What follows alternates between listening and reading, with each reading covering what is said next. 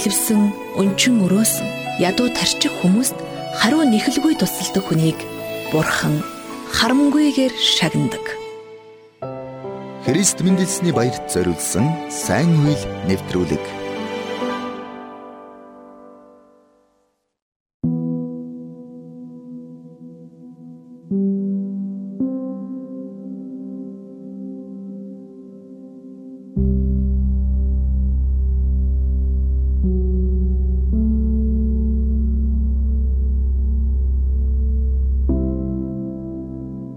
Дэш үзүүлэгч Самуэлийн түүх мэндэлхээс ч өмнө эхэлдгээрээ онцлогтой.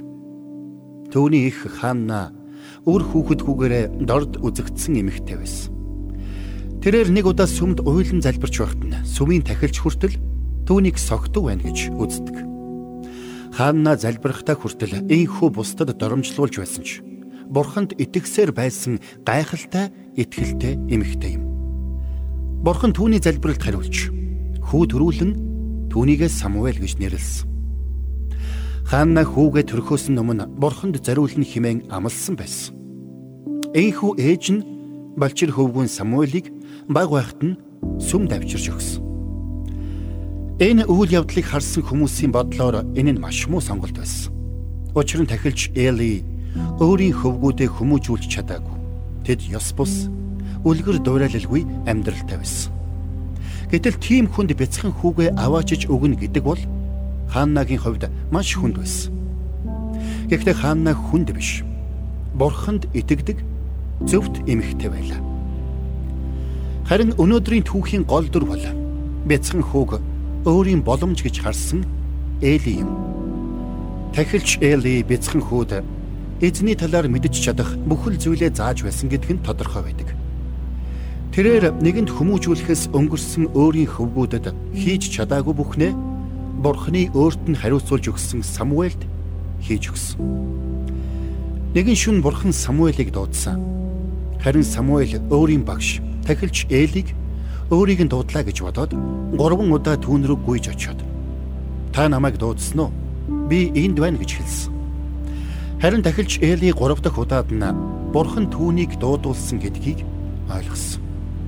Төрсөн ихтэй залбирлын хариу болж ирсэн Самуэль хүүтэй Бурхан уулзах өдрөө хүртэл өөрт нь хариуцуулсан байна гэдгийг Эли ойлгосон. Ингээд Эли хэдийгээр Бурханы үгийг өөрөө хөвчлэн сонсож байгаагүй боловч Самуэльд дахин дуудвал би энд байна эзэн минь гэж хариулаарай гэж маш гайхалтай итгэлийн зөвлөмжийг өгсөн. Харин маргааш өглөө нь Эли Самуэлаас Бурхны ярьсан бүхнийг асуудаг. Самуэлийн амнаас Бурхны гайхамшигт төлөвлөгөөтэй хамт өөрийн гэр бүл дээр буух шийтгэлийн тухай сонсдог. Тэгсэн хэдий ч Эли Самуэлийг хайрлах хайраа огтхонч өөрчлөлгүй сургасаар Израилийн ард түмний хамгийн агуу шүүгч Израилийн анхны хааныг тослогч Бурхны эрх мэдэлтэй хүн болоход том нөлөө үзүүлсэн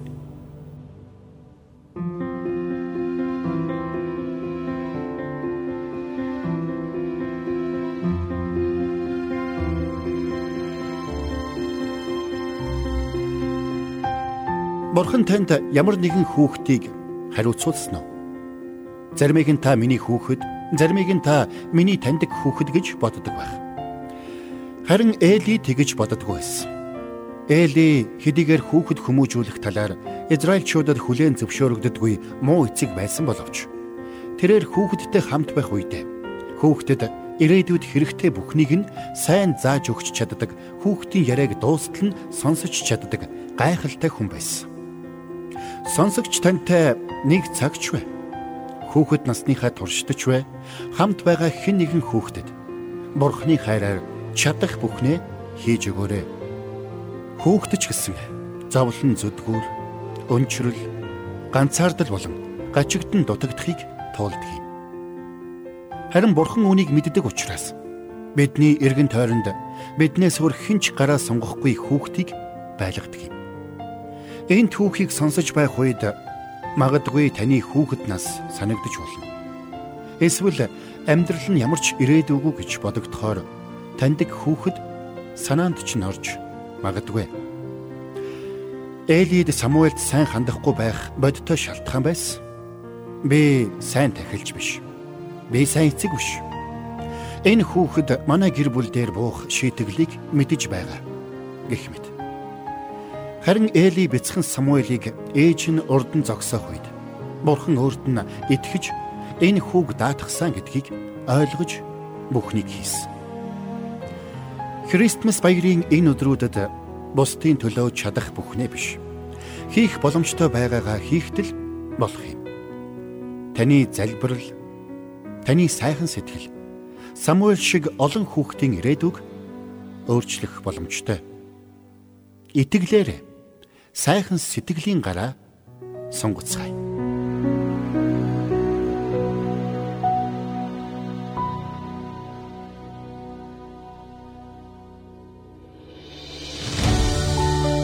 Зовж үтсэн хүн зовлонг илүүгэн ойлгодог. Тэмдэж зовлон мэддэг хүн өөрийн баялгаа бусадтай хуваалцах нь бахархалтай зүйл юм. Бусдад өгдөг хүн бурхантай ойр байдаг. Христ мэндэлсний баярт зориулсан сайн үйл нэвтрүүлэг танд хүрлээ.